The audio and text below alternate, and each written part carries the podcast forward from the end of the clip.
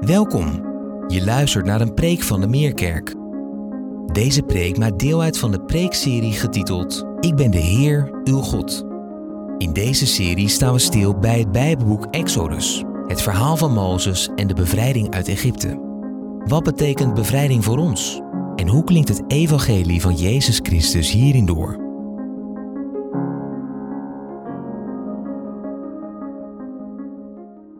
Een hele goede morgen allemaal.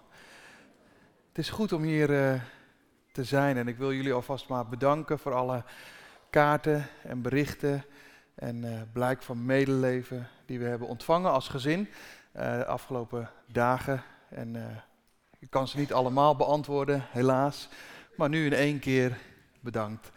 Ik hoop dat dat voldoende is voor ja, jullie blijk van deelneming ook met het overlijden van mijn vader. En voordat we willen nadenken over, die, uh, over de preek, in de preekserie waarin we momenteel zitten, wil ik jullie toch meenemen in een kleine bemoediging van de afgelopen week. Want nadat mijn vader overleden was, kregen we vrij kort daarna een aantal briefjes, gedichten die hij had geschreven. En één trof me daar wel in. En dat gedicht wil ik lezen. En bedenk dat dat gedicht geschreven is op een moment dat hij zelf heel diep in een put zat, waarin hij in ieder geval geen contact meer had uh, met zijn kinderen. En daar heeft hij iets over geschreven. En tegelijkertijd uh, is dat gebed ook verhoord. Hij schreef, zo lazen we in een briefje wat we vonden nadat hij overleden was. Hij schreef, ik heb mijn hele leven zoveel gegeven. Ik heb mijn hele leven zoveel gedaan. Ik kijk nu terug in het verleden, waar is het toch zo misgegaan? Ik zat liever in de kroeg en ik had van de drank ook nooit genoeg. Ik zag mijn kinderen niet meer staan. Wat heb ik ze toch aangedaan? Ik heb de hoop niet opgegeven, nu ik de drank heb laten staan. Ik hoop nog te beleven dat ze eens weer voor me staan.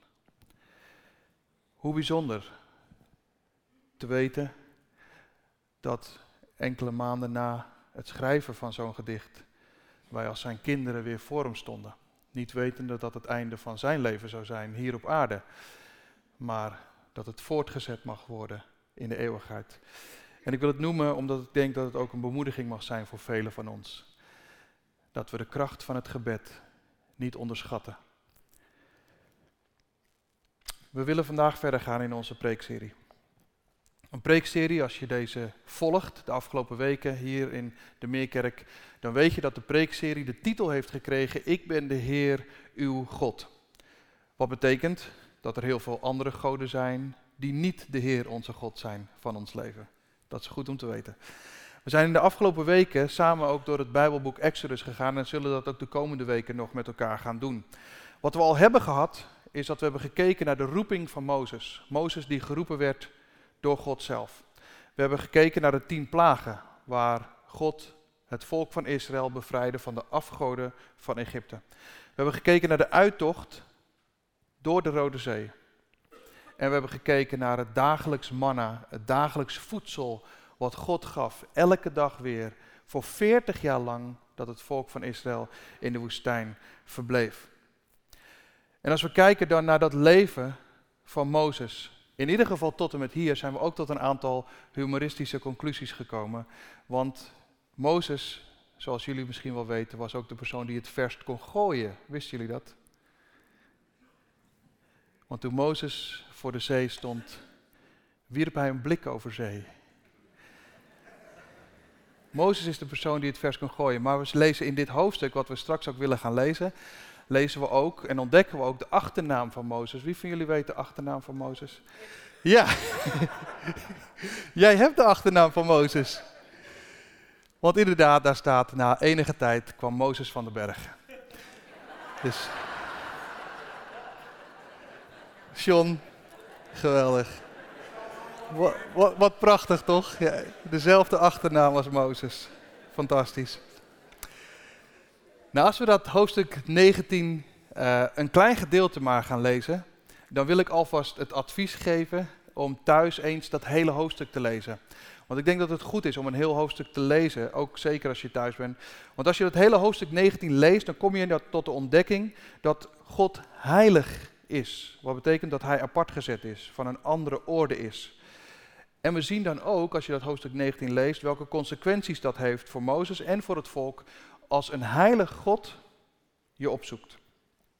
Nou, ik wil lezen vanaf vers 1, hoofdstuk 19 tot en met vers 6. En daar staat het volgende. En ik lees vanuit de MBV 21 vertaling.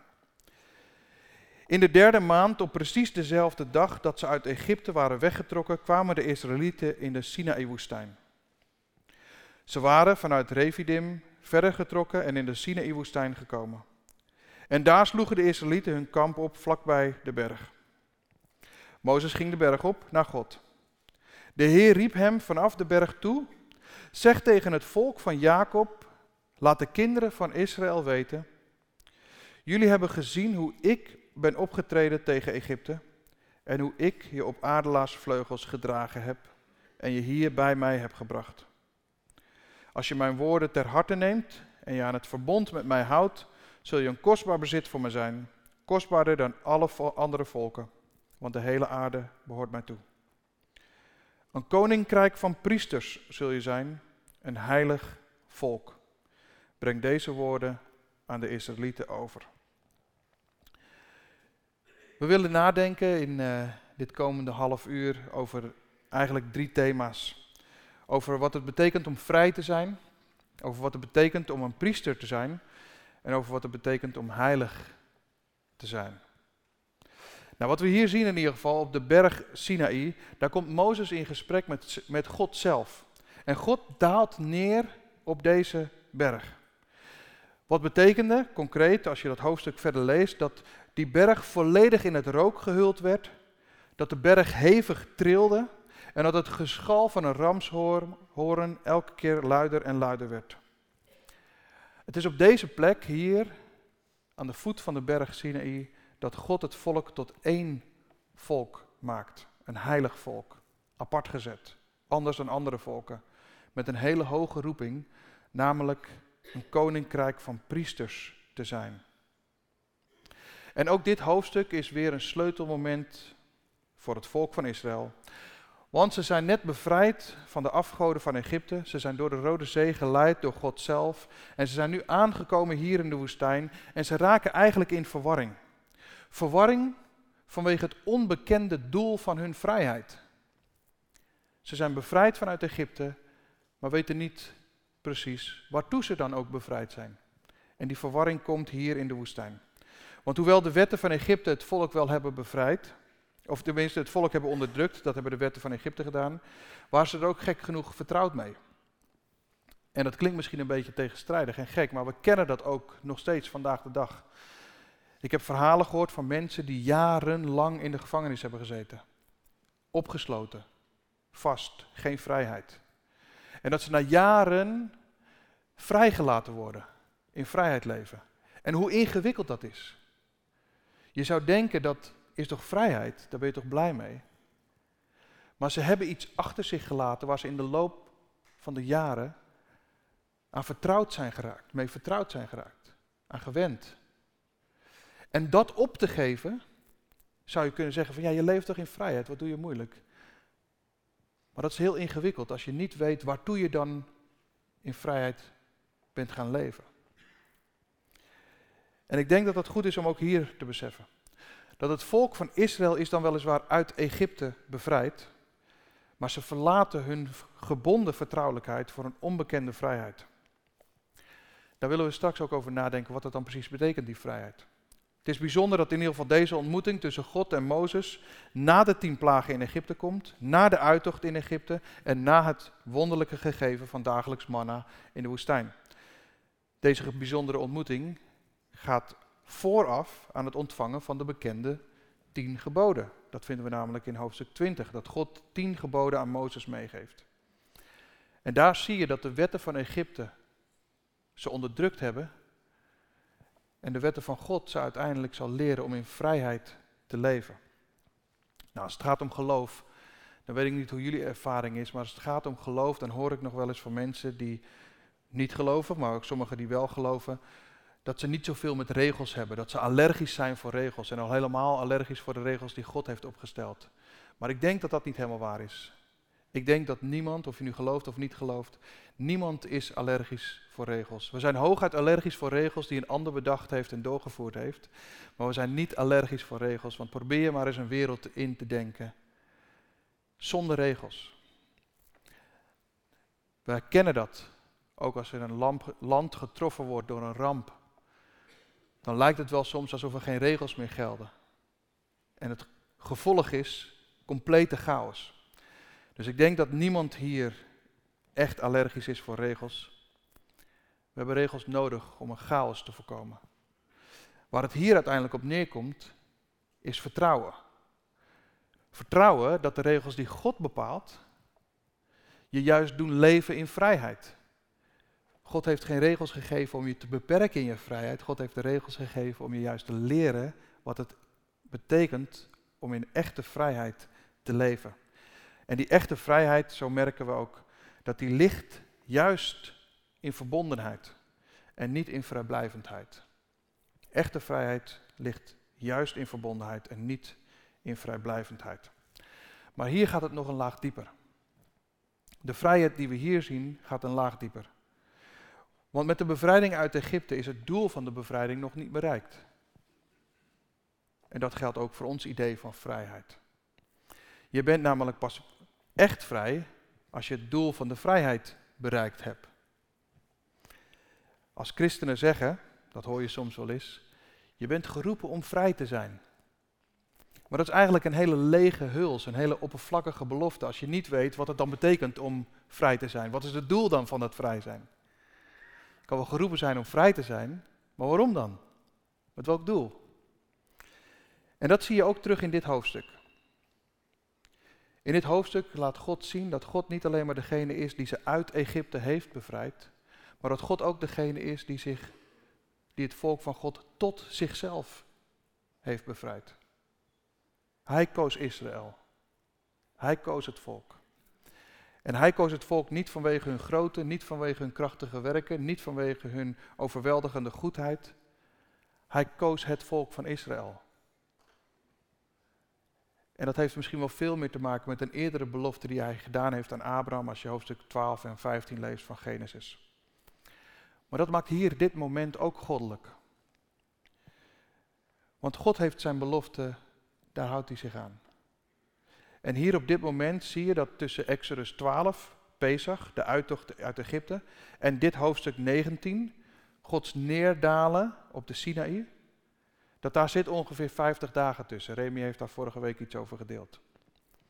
Maar als je dus ziet dat Pesach de bevrijding is, dan had dat dus als eerste doel om te komen tot dit hoofdstuk. Dus Pesach, de bevrijding uit Israël, had als eerste doel om te komen tot de berg Sinaï. En dat heeft ook betrekking op ons vandaag de dag. Ons Pasen, wat we vieren, is niet een doel op zich. Ons Pasen, wat wij vieren, heeft dat doel om tot Pinksteren te komen. Om met Hem verbonden te zijn door zijn Heilige Geest. Want pas dan zijn een heilige God en een zondig mens verenigbaar door geloof in Jezus Christus. En als dat gebeurd is, volgt de roeping.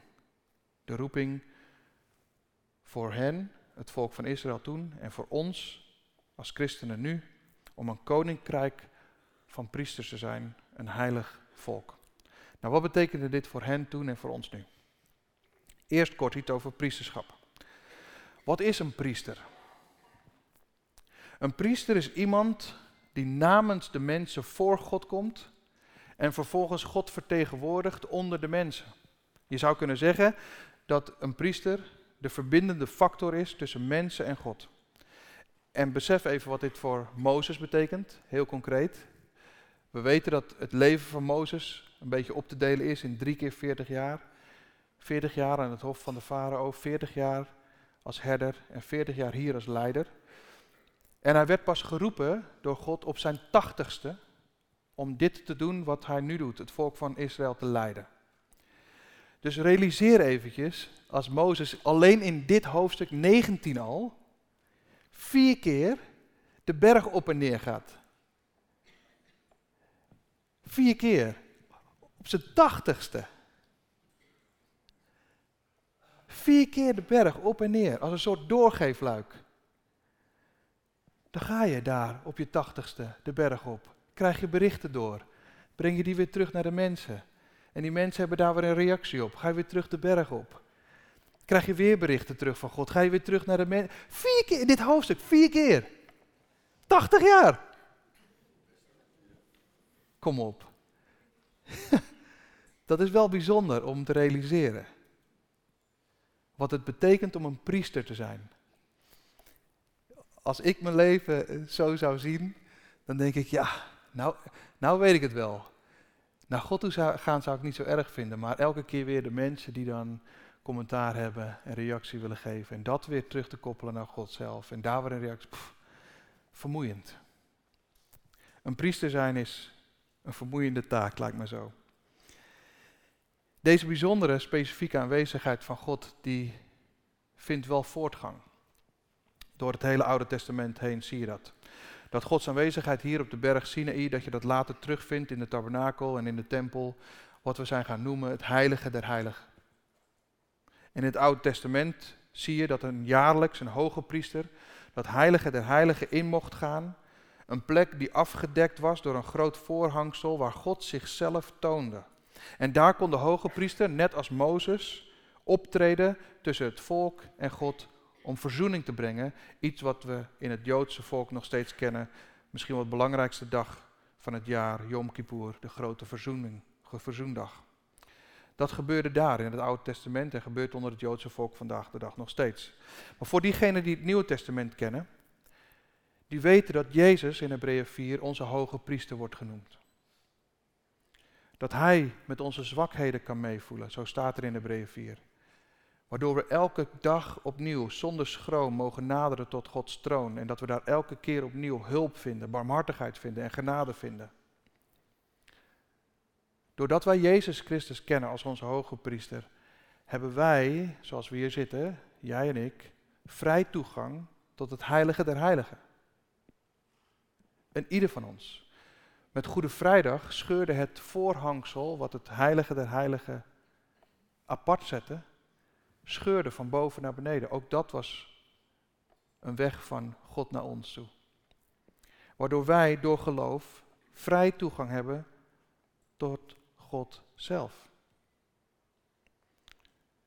Als je dit verhaal van Exodus leest, Mozes die de berg op kon als priester, om met God te spreken en de mens met hem te verbinden, dan zien we dat door Jezus Christus, onze hoge priester, dat wij zelf die berg op mogen gaan om met God te spreken en Hem te ontmoeten daar en in verbondenheid met Hem te leven.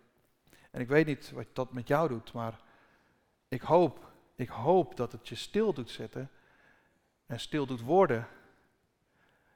Alleen dat feit al. Dat jij en ik door geloof zelf de berg op mogen gaan om God te ontmoeten en met Hem te spreken. Ik hoop dat dat je in verwondering brengt, elke dag opnieuw. Als we daar niet meer verwonderd over zijn, ja, dan moeten we misschien wel het stof een beetje afwaaien van ons geloof. Het feit dat wij elke dag opnieuw met God mogen spreken en dat de stem die daar klonk in hoofdstuk 19 van Exodus vandaag de dag nog steeds klinkt. Hoe bijzonder is dat? Hoe bijzonder is dat? En dat ook deze ochtend dat hier geldt, hier in de kerk. Hij is aanwezig, hij spreekt, hij raakt je hart, hij roept je en hij verlangt ernaar om jouw leven te leiden door zijn heilige geest met onvoorwaardelijke liefde. En hij roept ons op samen om een heilig priesterschap te vormen, zoals Petrus dat omschrijft in een van zijn brieven. Waar hij ook schrijft aan een, ieder van ons persoonlijk, leidt om die reden een heilig leven. Omdat God die je geroepen heeft heilig is. En dan komen we bij het laatste gedeelte. Wat betekent het dan vervolgens om heilig te zijn? En dat is een beetje een gekkig iets voor de velen van ons, de meesten misschien wel. We hebben iets, iets met dat woord heilig. En ik hoop dat je positieve associaties hebt met het woord, maar heel veel van ons hebben negatieve associaties en interpretaties van het woord heilig. Omdat we hebben daar andere woorden aan gekoppeld, als heilig boontje. En iemand die een heilig boontje is, is niet per definitie positief. Dat betekent dat je heel vroom bent. Of heilige huisjes, wat ook niet per definitie positief is. Want heilige huisjes zijn er om omver te werpen. Als onderwerpen niet bespreekbaar zijn, dan moeten we juist die heilige huisjes omverwerpen. Dat is niet per definitie positief. Of schijnheilig. Is ook niet echt positief. Schijnheilig, hypocriet, toneelspeler. Iemand die zich aan de buitenkant veel mooier voordoet dan dat hij van binnen werkelijk is. Dus we hebben allerlei negatieve woorden gekoppeld aan dat hele mooie en bijzondere woord heilig. Wat betekent apart gezet. En als je heilig wil zijn, wil leven, dan betekent dat niet dat je boven de ander komt te staan of dat je beter bent dan die ander. Nee, als je heilig wil leven, betekent dat dat je een verlangen hebt om anders te zijn. Een verlangen hebt om gelijk te worden aan Christus. Heilig zijn betekent dat je apart gezet bent en het verlangen hebt leven zoals Jezus je hebt voorgedaan. En als je wil weten hoe een heilig leven eruit ziet, om geheiligd te worden, dan zou ik zomaar willen adviseren, als je dan toch Exodus 19 leest, om de bergreden nog eens te lezen. Hoofdstuk 5, 6 en 7 van het Matthäus-evangelie. Dat heiligt je om te ontdekken wat het betekent om een heilig leven te leven in navolging van Christus. Maar hier, we zijn dus niet beter, maar we zijn anders dan andere mensen. We zijn imperfect geaccepteerd door een perfecte God, door geloof. En die volgorde, die volgorde is echt essentieel. Het is niet zo dat we eerst ons best moeten doen om heilig te zijn, of heilig te worden, of heilig te leven, om dan vervolgens door een heilig God geaccepteerd te worden. Dat is de verkeerde volgorde dan ga je nooit ontdekken wat het betekent om imperfect geaccepteerd te zijn. De volgorde is dat je als eerst door geloof in Jezus Christus imperfect wordt geaccepteerd, waardoor je heilig bent. Om vervolgens in navolging van Hem geheiligd te worden. En die volgorde is belangrijk. Het is door Hem dat wij heilig zijn en geheiligd worden. Dus als het gaat om heiligheid, als het gaat om heiligheid en een heilig leven te willen leiden, dan heeft dat in eerste instantie helemaal niets met onszelf te maken. Nul, niks. Er zit niks van jou bij. Er zit ook niks van mij bij. En dat is een opluchting, hoop ik. dat daar niks van jou en mij bij zit. Als het gaat om heilig zijn, heeft het alles met God te maken. Hij zelf. Hij die ervoor heeft gekozen om ons te heiligen door geloof in zijn zoon. Want als je gelooft dat Jezus jouw persoonlijke verlosser en Heer is, wie komt er dan in jou wonen? De Heilige Geest. Gods Geest. Die heilig maakt. Dus door geloof worden we heilig, zijn we heilig. En dan is het een proces wat ons hele leven lang doorgaat om geheiligd te worden. Door de ontwikkeling van de vrucht van de geest. We hebben daar eerder over gesproken. Maar als je gelooft, dan worden die negen karaktereigenschappen van wie God zelf is, die worden door de Heilige Geest die in jou komt wonen, deel van jouw leven. Wat betekent dat je vanaf dat moment geheiligd gaat worden als het gaat om de liefde. Als het gaat om je vriendelijkheid. Als het gaat om de vrede. Als het gaat om geloof, goedheid en je geduld. Als het gaat om zachtmoedigheid. Als het gaat om zelfbeheersing. Dat wordt ontwikkeld wanneer je heilig bent. Dan word je heilig verklaard om vervolgens geheiligd te worden. En dan zal je merken dat als dat verlangen daar is, om geheiligd te worden. Dat die negen karaktereigenschappen van wie God is en door de Heilige Geest in jouw leven is komen wonen. Dan ontwikkelt dat zich. Dan mag je daarvan uitgaan dat het zich ontwikkelt. Er is een uitspraak die mij wel heeft getriggerd. Dat is van vorig seizoen van Kamp van Koningsbrugge. Ik weet niet of jullie dat kijken, Kamp van Koningsbrugge, maar ik vind dat wel grappig om af en toe te kijken. Er zitten af en toe wel interessante dingen in als het gaat om de vorming van deze mensen die er aan meedoen. Ze drijven je tot het uiterste. Want als je daar tot het uiterste gedreven wordt, dan komen daar bepaalde dingen naar boven.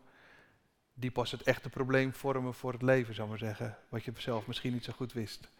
Maar een van die uitspraken van vorig seizoen van Kamp van Koningsbrugge, daar moest ik aan denken toen ik nadacht over de preek van vandaag.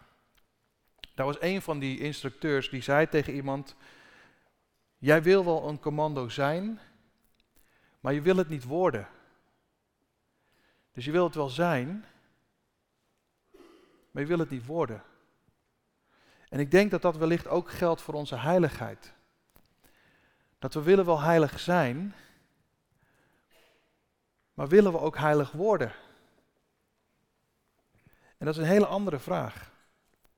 En ik denk dat het ook goed te noemen is dat er één heel belangrijk verschil in zit.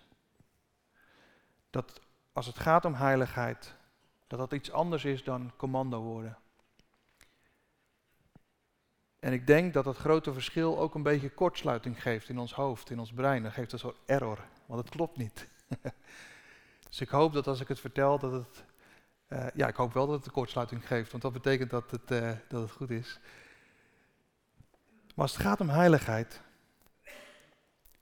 je bent heilig en daarna word je het. Ik zeg het nog een keer.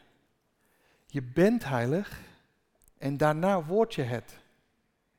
Nou, ik, dat gaf een, echt een error in mijn hoofd, omdat ik dacht van ja, hoe zit dat nou? Dat, is toch, dat kan toch niet op die manier?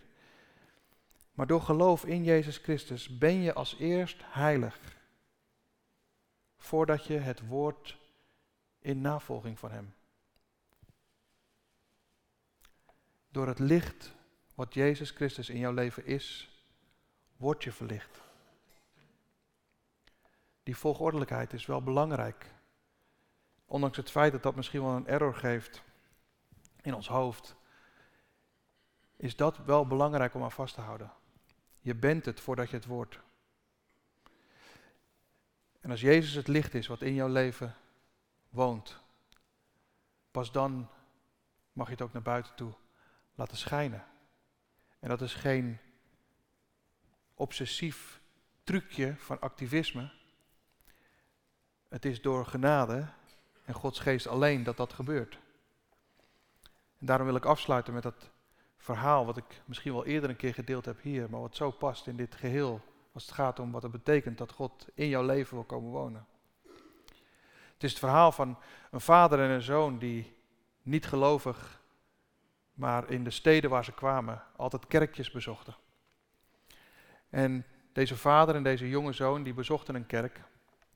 En terwijl ze in die kerk waren en onder de indruk waren van wat er allemaal te zien was, was die zoon vooral getroffen en onder de indruk van het prachtige glas in loodwerk, wat je in vele kerken nog steeds ziet. Dat prachtige glas in loodwerk, daar stond een soort schilderij op van Jezus en zijn leerlingen. En die vader vertelde aan die zoon dat dat Jezus is en zijn heilige. En die zoon komt met dat verhaal thuis. Onder de indruk van wat hij heeft gezien van het glas- en loodwerk in die prachtige kerk. En zijn moeder vraagt aan hem hoe hij het heeft ervaren dat hij in de kerk was en wat hij daar allemaal heeft gezien. En zijn eerste reactie was dat hij heiligen heeft gezien. Ik heb heiligen gezien. In het glas- en loodwerk in de kerk. Papa zei dat dat heiligen waren. Ik heb heiligen gezien. En die moeder die vroeg om een definitie van wat het betekent dat je heiligen hebt gezien. Wat zijn dat dan? En zijn definitie is geniaal, denk ik. Zijn definitie van heiligen was, vanwege het glas- en loodwerk, heiligen zijn mensen door wie het licht naar binnen straalt. Ik denk dat dat het is. Als wij onszelf heilig mogen noemen, niet op basis van onszelf, maar op basis van God die in ons leeft, dan mogen wij het licht wat in ons leeft naar buiten schijnen. Dat we mensen zullen zijn, niet beter dan een ander, maar anders dan een ander. Omdat Gods licht door ons heen straalt en schijnt naar die ander. En daarom wil ik ook afsluiten met deze one-liner, waarvan ik hoop dat je die de rest van je leven zult herinneren. Om deze reden, wees dus ook geen schijnheilige, maar schijn als een heilige. Wees geen schijnheilige, maar schijn als een heilige. Zullen we bidden met elkaar? Heer, wat is het goed om zo deze ochtend hier te zijn. Wat mogen we dankbaar zijn met elkaar. Dat u ons aan elkaar gegeven heeft. En dat we u mogen kennen. Dat hoop ik, dat bid ik. Dat we u mogen kennen als onze Verlosser en Heer. Heer, ik wil danken voor alle momenten die we met elkaar meemaken, ook als kerk, als gemeenschap. Dank dat we ons elke keer weer mogen richten op U en op U alleen, omdat we het van U en U alleen willen verwachten. En als we vandaag nadenken over wat het betekent om een priesterschap van gelovigen te vormen, een heilig priesterschap van gelovigen, dan bid ik vooral dat we dat in verootmoediging zullen doen, dat we het van U willen ontvangen en verwachten. Dat we het niet vanuit onszelf denken te kunnen.